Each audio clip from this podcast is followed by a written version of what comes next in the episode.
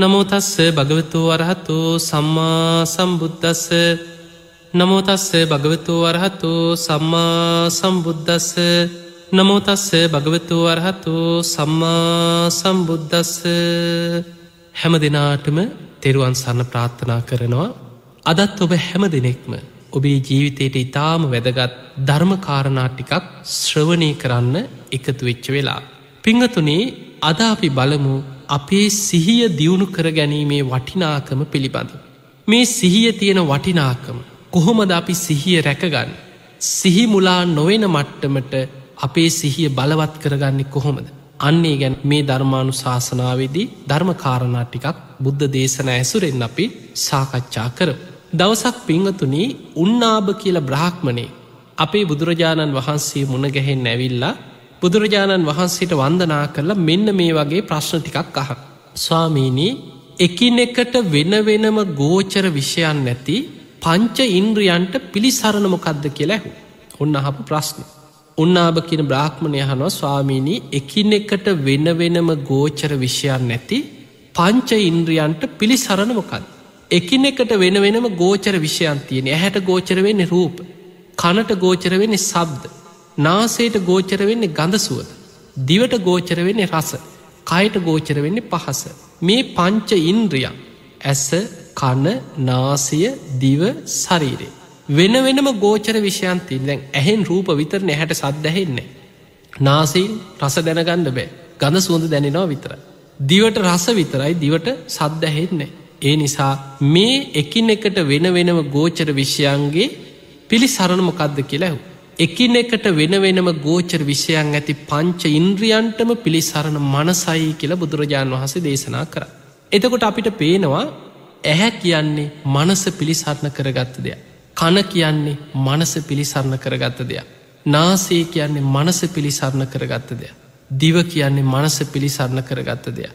කය කියන්නේ මනස පිළිසරණ කරගත්ත දෙයක්. අන්න එහෙමනං ඇස කණ නාසය දිව ශරීරය කියන වෙන වෙනම ගෝචර විෂයන් ඇති මේ පංච ඉන්ද්‍රියන්ගේම පිළිසරණ මනස. දැන් පිංහතුනි ඔබට පේනවා ඔබට දැනෙනවා ඔබ දන්නවා මෙන්න මේ හේතුව නිසා තමයි අපි ඇහෙන් දකින දේවල් සියල්ල මනස පිළිසරණ කරගන්න. එනිසා අපිට අවුරුදු ගානකට පස්සේ හරි මං මේක දැකලා තියෙනවා මං මේක දන්නවන මං එදාව කොයි විදිහට නෙමෙයි කියලා අපිට අර දැකපු දේවල් සියල්ල ගැන මතකය මනසෙ තියෙනවා. කනෙන් අහපු දේවල් සියල්ල මනස පිළිසරණ කරගන්න නිසා අපි අහපු දේවල් මනසි තැම්පත්වෙනවා. සමහර දේවල් අපිට කාලයක්ත් එක්ක ටික ටික අමතක වෙන්න පුළුව.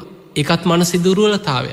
හැබැයි හිත දියුණු කෙනෙකුට බොහෝ දේවල් ඇහෙන් දැකපු කනෙන් අහපු නාසේට දැනිච්ච දිවට දැනිච්ච කයිට දැනිච්ච මේ පංච ඉන්ද්‍රියන්ගෙන්ම ගත් අරමුණු සියල්ල මනසේ තැම්පත්වෙනවා මනස ඒ අනුභව කරනවා මනස පිළිසරණ කරගෙනයි මේ පංචඉන්ද්‍රියම් පවතින්න කියලා බුදුරජාණන් වහන්සේ වදා.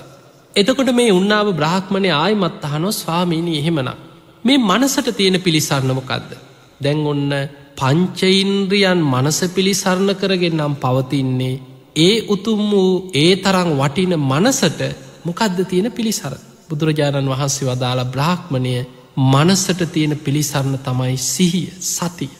අන්න බුදුරජාණන් වහන්සේ දේශනා කරා එහෙමනං අපේ ජීවිතයේ මේ පංච ඉන්ද්‍රියම්ම පිළිසරණ කරගත්ත මනස නම් වූ වැදගත්ම මේ හිතට මනසට තියෙන පිළිසරණ සිහිය සතිය.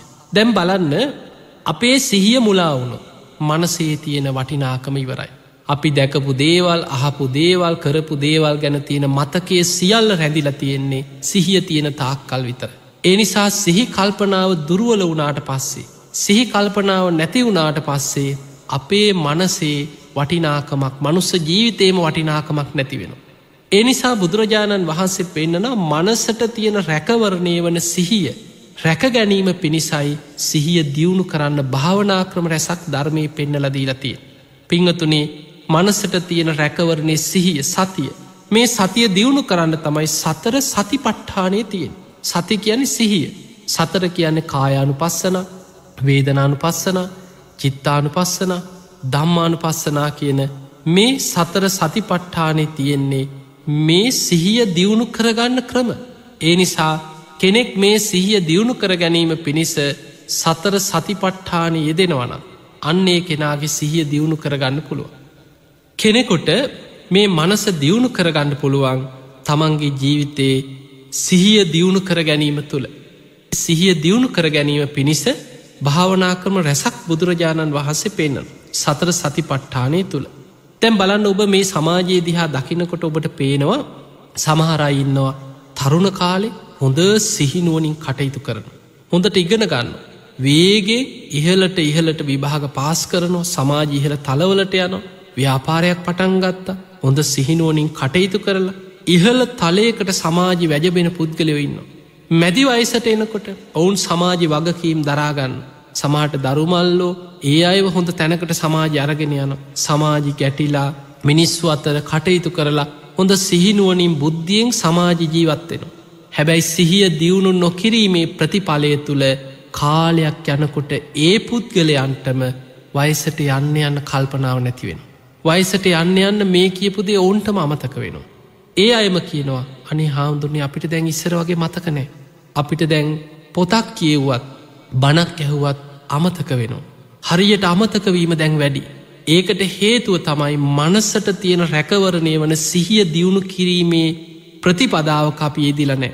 සිහිය දියුණු කරගන්න අපි උත්සාහයක් කරගෙන නෑ ඒක ප්‍රතිඵලයක් හැටියට අපේ කය දුරුවල වෙන්නේ යම් සේද වයිසට යනකොට සිහියත් ඒ හා සමානෝම දුරුවල වෙන්න පටන්ගන්නවා සසර පින නැත්නම්. සිහිය දියුණු වෙලා නැත්නම්. පිංහතුනී අන්නේ නිසා සිහිය දියුණු කිරීම පිණිසාපි උත්සාහයක් ගන්නට ඕන. දැම් බලන්න බුදුරජාණන් වහන්සේගේ ධර්මය තුළ ඔබ දන්නවා මේ අසූ හාරදහසක ධර්මස්කන්දයම.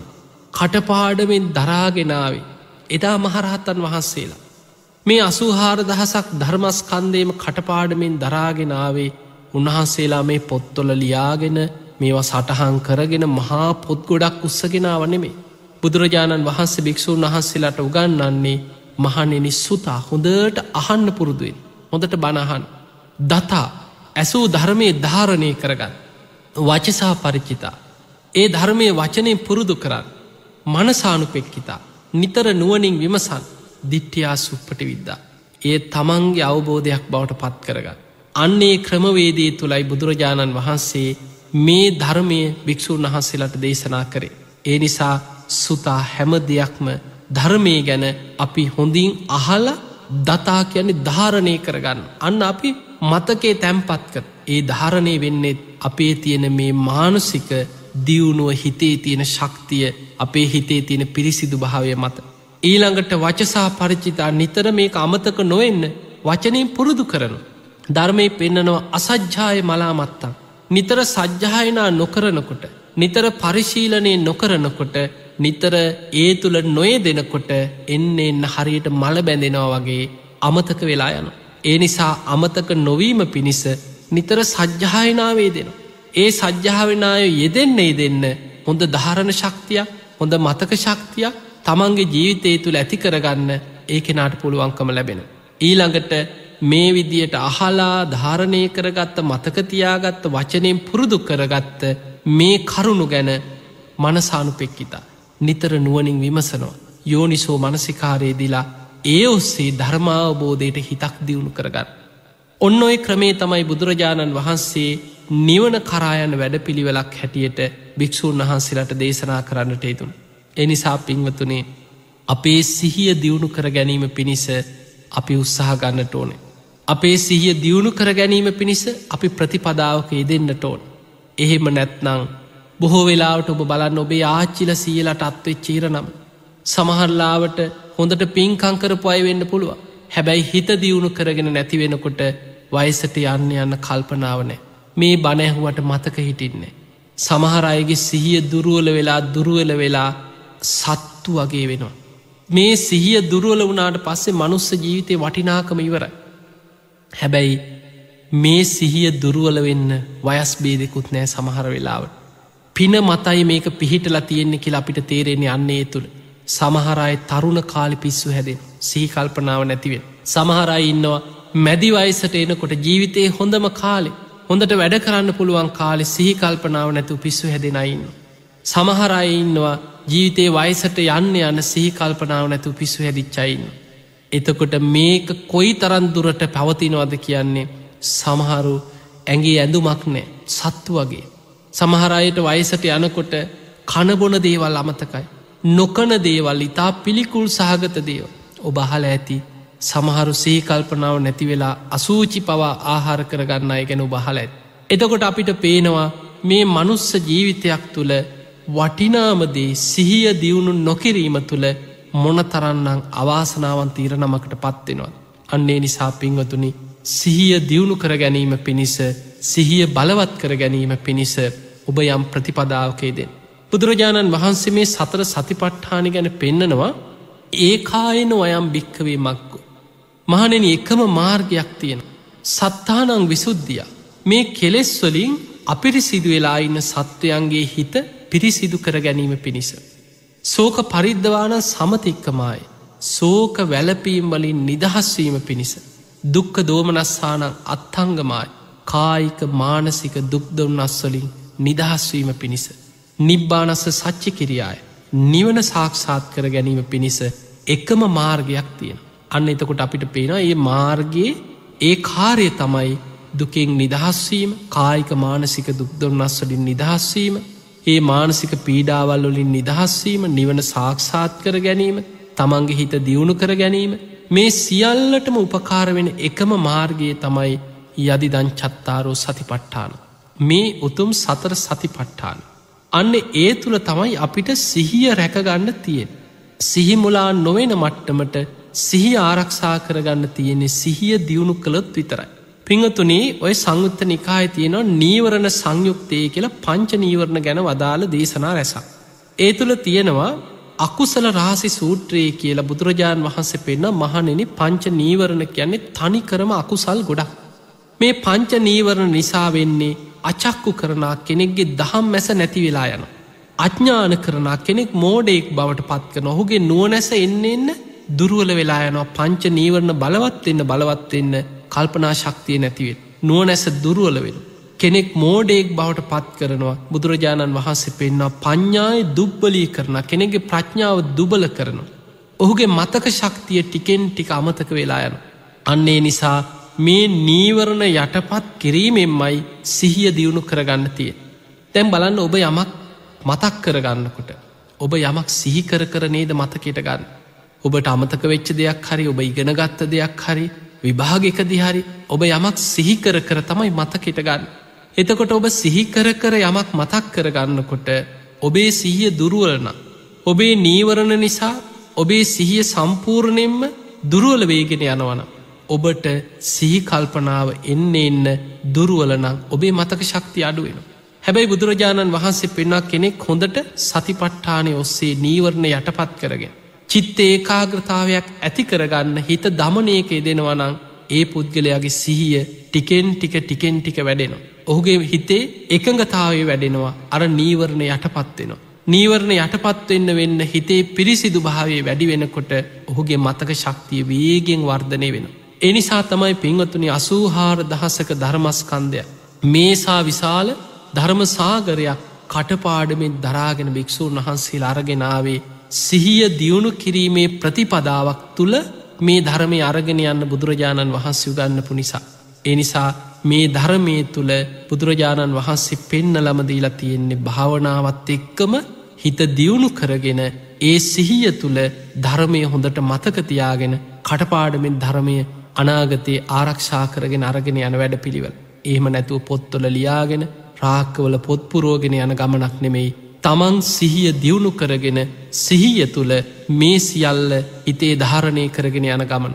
එනිසා පිංහතුනී මේ සිහිය දියුණු කර ගැනීම පිණිස ඔබ යම් උත්සාහයකේද. ඔබේ ජීවිතේ පුංචි වෙලාවක් හරි ඔබ වෙන් කරගන්න.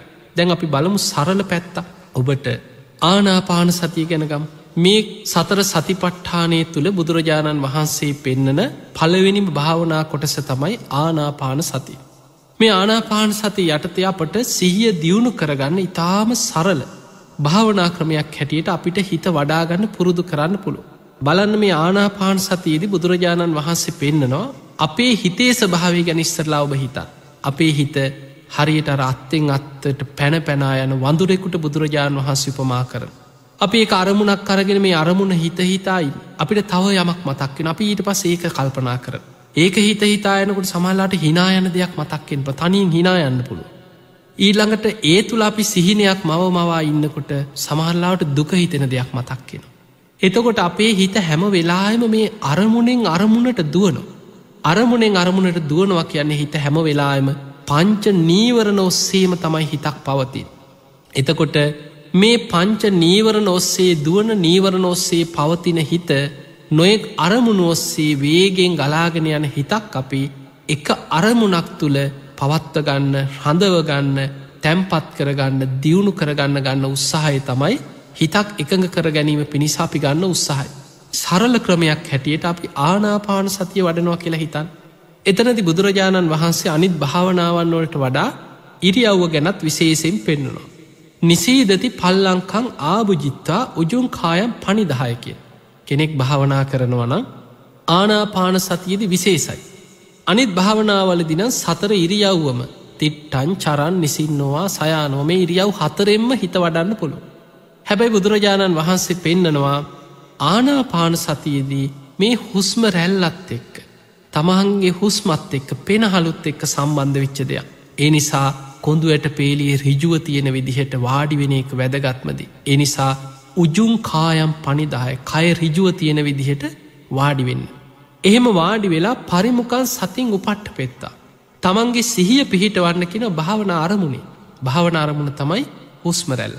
එතකොට අපිට දැ කෙනෙකුට හුස්ම එකක තැංගුලින් දැනන්න පුළුවන් කෙනෙක් කියන්න පුළුවන් මේ බඩේ හුස්ම ඇතුල් වෙනවා පිට වෙනවා දක්නකිනවා. ඒ නිසාම පිම්බීම හැකිලීම හැටියට එතන බලන්න. තව කෙනෙකුට හිතෙන පුළුවන් නෑමේ නාසේ මැදින් තමයි මට හුස්ම දැනෙන්. කෙනෙකුට උඩු තොල ළඟින් හුස්ම දැනෙනවා. හුස්ම ඇතුල්ලෙනවා තේරෙන. බුදුරජාණන් වහන්සේ පෙන්න්නන්නේ හුස්ම රැල්ල තුළ හිත පිහිටවන්. ඔබට පුළුවන්න නාසිකාග්‍රේ තුළ. ඔබ හොඳට මොහොතක් හොඳට බලන්න හුස්ම ඇතුල්වෙන හැටි පිටවෙන හැටි ඔබ බලාගෙන ඉන්නකොට ඔබට දැනෙනවා. මේ නාසේ දැවටෙනෝ නාස් සිදුර වැදීගෙන ආශ්වාස මේ හුස්ම රැල්ල ශරීරයට ඇතුල්වෙන හැටි පිටවෙන හැටි ඔබට තේරෙන. අන්නේ තේරෙන තැන හිත පිහිටවත්. හිත පිහිටවාගෙන පලවෙනිම ක්‍රමේ තමයි බුදුරජාණන් වහන්සේ පෙන්න්නන්නේ සෝ සතෝ අස්ස සති සෝ සතෝ පස්ස සති. සිහියෙන් හුස්ම ගන්න සිහියෙන් හුස්ම හෙලන්න පුරුදුවෙන්. අන්න ඒක තමයි භාවනාව පලවෙනිම පියවර. තැන් අපි උපන්දායිදං හුස්ම ගත්තනේ මැරෙන්න්න වැටෙනකං අන්තිම හුස්ම පොද අවසන් වෙනකම්ම හුස්ම ඇතුල්ලෙනවා පිටවෙන. හැබැයි අපි කවදාවත් සිහිය පිහිටවාගෙන ඒ තුළ හොඳ අවධානින් හුස්ම ගන්න නොන්නෙමේ. නමුත් අපි දැම් පුරුදු කරන්නේ නොයෙක් අරමුණු ඔස්සේ දුවන හිත අපේ ශරීරයේ මේ හුස්ම රැල්ලේම හිත පිහිටවාගෙන ඒ තුළ තැම්පත් කරන්න ගන්න උත්සාහය. අන්නේ නිසා හුස්ම දිහා හොඳ සිහියෙන් බලාගෙන පුරුදු කරන. එක පුහුණු වෙනවා. හැබැයි ඔබ ආනාපාන සතිය වඩන්න ගත්තාහම ඔබට තේරෙයි මේක හිතන තරන් ලේසි දෙයක් නෙමේ. මේ හිත කොයි තරං අකීකරුද මේ හිත කොයි තරන් දමනය කරගන්න අපහසුද අරමුණු ඔස්සේ මොන තරන්න කුලප්පු වෙච්ච සතෙක් වගේ දුවනවද කියලා හිත ගැන ඔබටම තේරුම් ගන්න ලැබෙනවා ඔබ භාවනා කරන්න පටන්ගත්ත වෙලෙයිද. ඔබ හුස්ම දිහා හිත පිහිටවන් හැදුවට සැනින් හිත දුවනවා. නොයෙක් අරමුණු ඔස්සේ සමල්ලාට ඔබ අකමැති ඔබ එපා කරපු ඔබට ජීවිතේ වැඩක්ම නැති මහා පව්කාර දේවල් හිතට ගලාගෙන එන්න පුළුව. එතකොට ඔබටම හිතන්න පුළුවන් මං මේ භාවනා කරන්න වාඩි වුණේ ඇයි මට මෙහෙම වෙන්නේ. මොනුවද මේ මං හිතන්නේ. ඇයි මේ වගේ දේවල් මට එන්නේ. අන්න ඒක තමයි හිතේ ස්වභාවය නීවරණයන්ගේ ස්වභාවේ ඔබට ඕන අරමුණු ඔස්සේ ඔබ හිතනවන්නෙමෙයි ඔබේ හිතට ගලාගෙනන පවකාර අකුසල සිතුවිලි ඔස්සේ ඔබ සමහර වෙලාවට රූකඩයක් වගේ දුවන කෙනෙ. අන්නේ නිසා ඔබ උත්සාහ කරන්නේ ඔබේ හිත ඔබේ දමනයකට ඔබේ පාලනයකට ගන්නයි මේ භාවනාවකින් අපි උත්සාහ කරන්න. එනිසා පිංගතුනේ ඔබට පලවෙනිම පියවර හැටියට ඔබ පුරුදු කරන්න ආනාපාන සතිය වඩනකොට සෝ සතෝ වස්ස සති සෝ සතෝ පස්ස සති. හොඳ සිහියෙන් ඉරියව්ව තේරුම් අරගෙන හුස්මරැල්ල දිහාම සිහියෙන් බලාගෙන ආශ්වාස ප්‍රශ්වාස තේරුම් ගැනීම විතරයි. වෙන කිසිම හුස්මරැල්ලෙ වෙනස්කමක්කත් දීර්ඝාශ්වාස කෙටියාශ්වාස මේ හුස්මරැල්ලේ මුලමැදාග බලනේවත් ඒවා එකක්කත් මුලදි අවශ්‍යනෑ. මුලදී ඔබ පුරුදු කරන්න ඕනෑ හුස්ම රැල්ලෙ සිහිය පිහිටවන්න ගන්න උත්සාහයි විතරයි. සමල්ලාවට විනාඩියක් දෙකක් හිත හුස්ම දිහා බලාගෙන ඉන්නකොට ඔබ දන්නෙවනෑ හිත වෙන අරමුණකට දුවල. ආයමත් අරගෙනනවා මං මේ භාවනා කරන කෙනෙක් මං මේවා හිතන්නෑ කියලා ආයමත් ගෙනල හුස්ම රැල්ල හිත පිහිටෝන් ඔය වගේ උත්සාහ කරගෙන කරගෙන කාලයක් යනකොට අන්න ඔබට ඔබ තුළින්ම දක්ෂතාවයක් ඇති වෙනවා මුලින් භාවනාව පටන්ගන්නකොට තිබුණට වඩා කාලයක් භාවනා කරනකොට දැන් ඔබට හුස්මරැල්ල තුළම හිත පිහිටවාගෙන බොහෝ වෙලාවක් ඔබේ හිත දමනය කරගෙන පවත්ව ගන්න පුළුව. ඒ විදිහට පිංහතුනි කාලයක් භාවනා කරනකොට කෙනෙකුට මාසයක් වෙන්න පුළුවන් කෙනෙකුට මාස කීපයක් වෙන්න පුළුව කෙනෙකුට අවුරුද්දක් වෙන්න පුළුව. එහෙම භාවනා කරගෙන ඔබ කාලයක් යනකොට දැන් ඔබේ හිත ඔබට යම්මට්ටමකට දමනය වෙලා. ඔබේ හිට යම්මට්ටමකට ඔබට පාලනය වෙලා. ඔබට විනාඩි පහලවක් විස්සක් සමරලාට පැය භාගයක් හිත වෙන කිසිම අරමුණකට යන්න ඉඩ නොදී. හුස්ම රැල්ලේම පවත්වන්න තරං පුළුවන් සීයක් ඔබ තුළ වැඩිලා. අන්නේ මට්ටමට සිහිය දියුණු වෙනකොට අන්න දෙවනි පියවර බුදුරජාණන් වහන්සේ පෙන්න්නන ආනාපාන සතියේ දීගංවාස සන්තෝ දීගං අස සාමිති පජානාති. දීගංවා පස සන්තෝ දීගම් පස්ස සාමිති පජානාති. අර හුස්ම රැල්ලේම දීර්ග ආශ්වාස ගැන හොඳට දැන් දැනන්න පටන්ගන්න. රස්සංවා අස සන්තෝ රස්සං අස සාමිති පජානාති. රස්සංවා පස සන්තෝ රස්සම් පස සාමිති පජානාති. දැන් ඔබට වෙනස්කන්තේරෙන. සිහිය පිහිටියට පස්සෙ තමයි හුස්ම රැල්ලෙ වෙනස්කන් තමන්ට හොඳට වෙනදට වඩා ප්‍රකට වැටහෙන්නේ. අන්න සිහිය දියුණුවීමේ ප්‍රතිඵලයක් වසයෙන් හුස්ම රැල්ල තුළ තියෙන වෙනස්කං හොඳට නුවනින් වැටහෙන්න පටන්ගන්නවා. මේ හුස්ම දීර්ග වසයෙන් ඇතිවෙච් ආශ්වාසය මේ හුස්ම කෙටියෙන් ඇතිවෙච් ආශ්වාසය කෙටියෙන් ඇතිවෙච්ච ප්‍රශ්වාසය ඒ විනස්කං පජානාති කියන්නේ නුවනින් දැනගන්න. නුවනින් දැනගනිමින් අපි හුස්ම රැල්ලේම සිහිය පිහිටවාගෙන භාවනා කරගෙන යන්. දැම් බලන්න මේක නොදන්න කෙනෙක් සමහරලාට භාවනාවට ඉඳගත්ත වෙලේම ඔන්න මන් දීර්ග හුස්මක් ගන්නවා කියලා එක පාට ලොකු හුස්මක් උඩට අදින්න පුළුව. ඔන්න මන් දැන් කෙටියෙන් හුස්ම ගන්නවා කියලා කෙටියෙන් කෙටියෙන් හුස්ම ගන්න පුළු. අපි කිසිම වෙලාවක මේ භාවනාවක් කරනකොට කයට වීරි අරගෙන හුස්ම වීරියෙන් පාලනය කරන්න යන්න. දැන් ඔබ නිකං පුංචි දෙයක් හිතන්.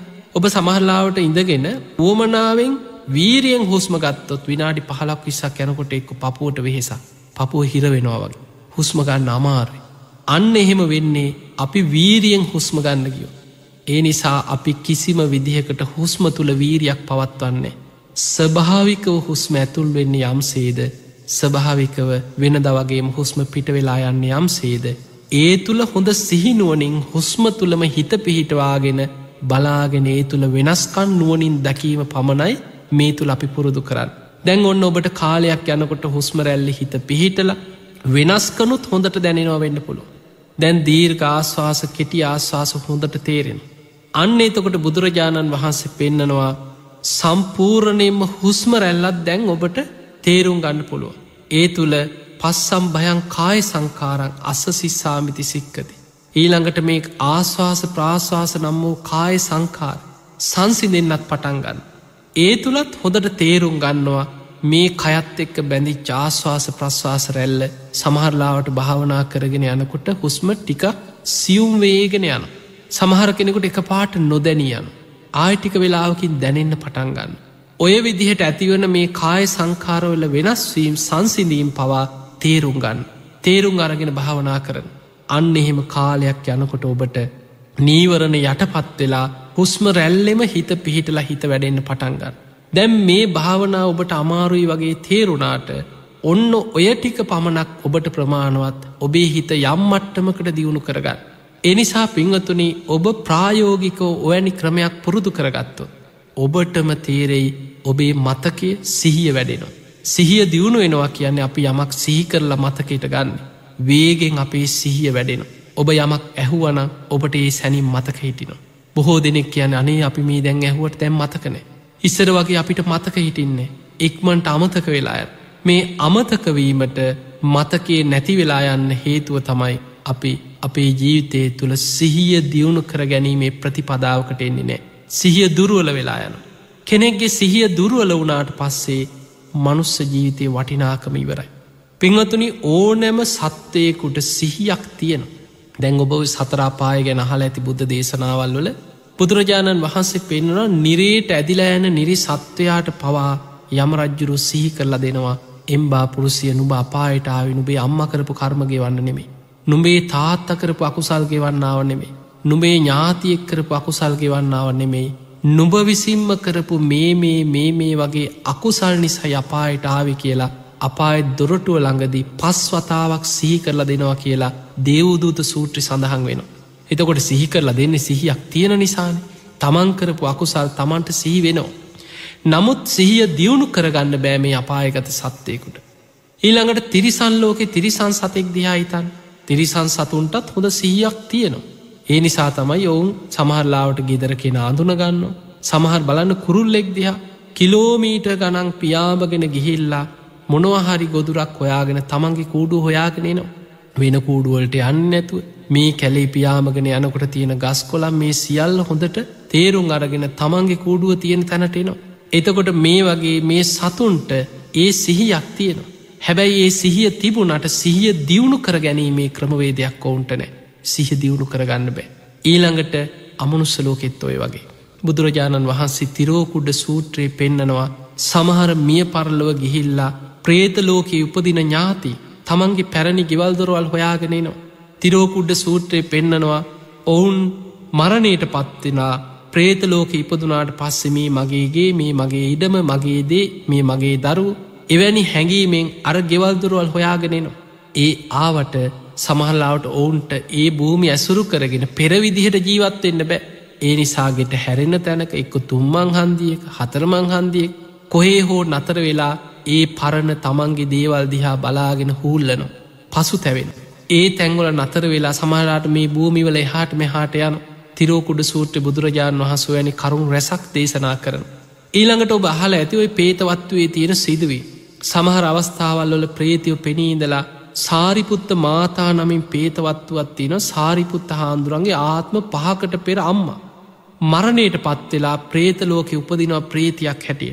දවසක් උන්වහන්සේ පිණ්ඩ පාත යනකොට පෙනීදල කියනවා අනේ ස්වාමීණී මං ඔබහන්සේගේ ආත්ම පහකට පෙරම්ම ආක බලාගෙන යන්නේ පාස්වාමීණී මට පින් ටිකක් දෙන්න කිය. උන්වහන්සේ නුවනින් බලනව ඇත්තද මේ ප්‍රේතිය කියන්නේ බලනකොට මේ කාරණය ඇත්ත ආත්ම පහකට පෙර අම්ම වෙලා හිටපු කෙනා. එදා උන්වහස පිණ්ඩ පාති ගිහිල්ලා තමන්ගේ පාත්තරයට දානෙ පිරෙනකම් පිණ්ඩ පාති කර. වෙන දටනන් තමන්ගේ දාන ටික ලැබුණට පස්සේ පිණ්ඩ පාති කිරීම නවත්තන.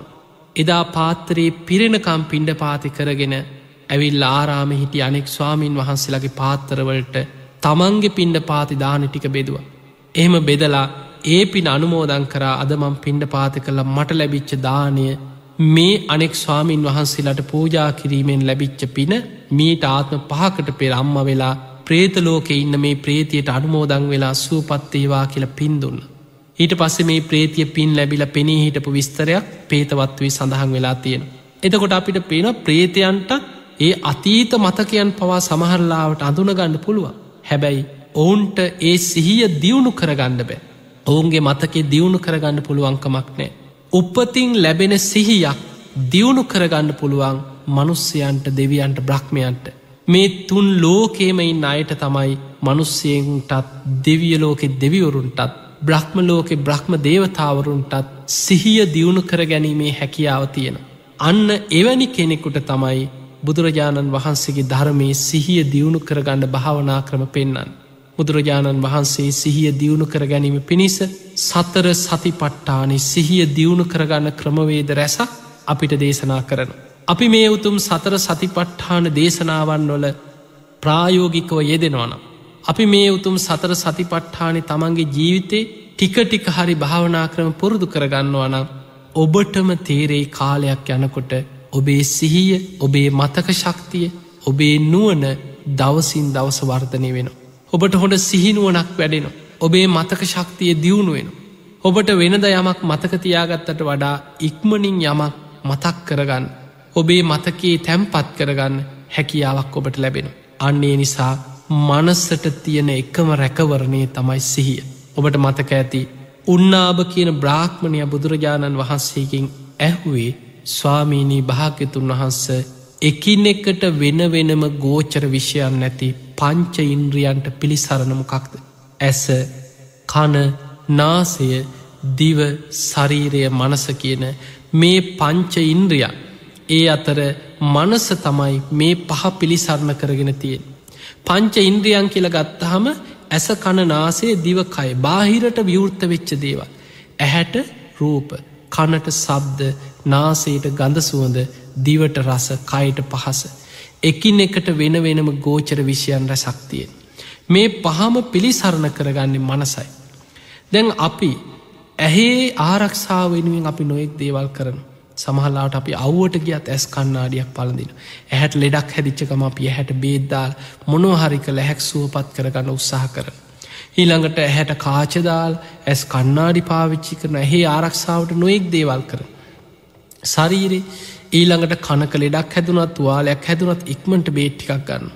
ඊළඟට නාසේ මේ දිව ඔබ බලන්න මේ ශරීරය ලස්සන කරගන්න මිනිස් මොන තරං වියදං කරන. මේ කය දියුණු කරගන්න කයේ ශක්තිමත් භාවය හදාගන්න කය රැකගන්න නොයෙක් දේවල් කරන.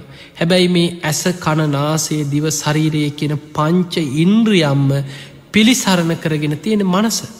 ඇහෙන් දකින දේවල් කනෙන් අහන දේවල් නාසේට දැනෙන දේවල් දිවට දැනිච්ච දේවල් කයට දැනිච්ච දේවල් සියල්ල ඔබේ මනසේ තමයි තැන්පත්තෙන්. ඒ නිසා මේ පංච ඉන්ද්‍රියන්ගේම පිළිසරණ මනසයි. ජීවිතය වැදගත්ම ඉන්ද්‍රිය තමයි මනස. බුදුරජාණන් වහන්සේ පෙන්න්නන්නේ අපි කරන හැම දේකටම මුල්වෙන්නේ මනස මනෝපුබ්බංගමාදම්ම. මනස මුල්වෙලා තමයි හැම දෙයක්ම ක්‍රියාත්මකවෙන්. එදකොට මේ මනස ජීවිතයේ වටිනාම දේවන පංච ඉන්ද්‍රියන්ගෙන් ගන්න අරමුණු අනුභව කරන මනස රැකෙන්නේ සිහිය දියුණු නොත් විතරයි. ඒ මනසේ රැකවරණය වන සිහිය සතිය අපිට දියුණු කරගන්න බැරිවුණො.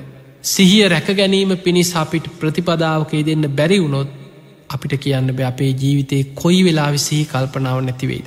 තරුණ කාලි පිස්ව හැදෙන අයින්න. මැදිවයිසි සිහි කල්පනාව නැතුව කල්පනා ශක්තිය නැති වෙලා යනයින්න.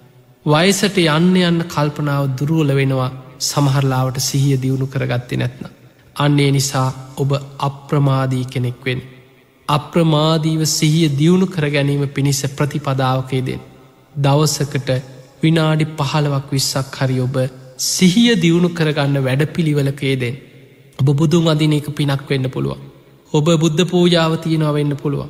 ඔබ බණහනව වෙන්න පුළුවන්. ඔබ සමල්ලාවට සිල්ගන්න යනව වෙන්න පුළුවන්. හැබැයි ඒ සියල්ල ඔබේ ජීවිතයට ඔබට පින් රැස්වෙනවා. හැබැයි ඔබ ප්‍රායෝගිකව ඔබ භාවනාවක් හැටියට ඔබේ හිත දියුණු කරගන්න ඔබ ප්‍රතිපක්තියකට යෙදුන් නැත්නම් ඔබේ හිත රැකගන්න අරකරන ටිකෙන් පමණක් ප්‍රමාණවත්වෙන්නේ නෑ. බලන බුදුරජාණන් වහන්සේ මහා සාරෝපම කියලා ලස්සන දේශනාවක පෙන්නනවා මහා සාරෝපම කියන විශාල අරටුවක් තියෙන වටිනා ගහක්. කෙනෙක් යනව මේ වටිනා ගහේ වටිනා දෙයක් හොයාගෙනයන්. ගිහිල්ල මේ ගහ දැක්කට පස්සේ මේ කෙනා මොකද කරන්නේ කොලාතු ටික දිහා බලලා හිතනවා අන්න ගහේ වටිනාදේ. මමනං මේකෙන් ප්‍රයෝජනයක් ගත්තා කියලා කොලාතු ටිකක් අරගෙන යන. තව කෙනෙක් එනවා ගහ හොයාගෙන. ඇවිල්ලා ඔන්න අපිත් වැඩේ කරගත්තා කියලා ගහේ පොත්ත ගලෝගෙන යනවා.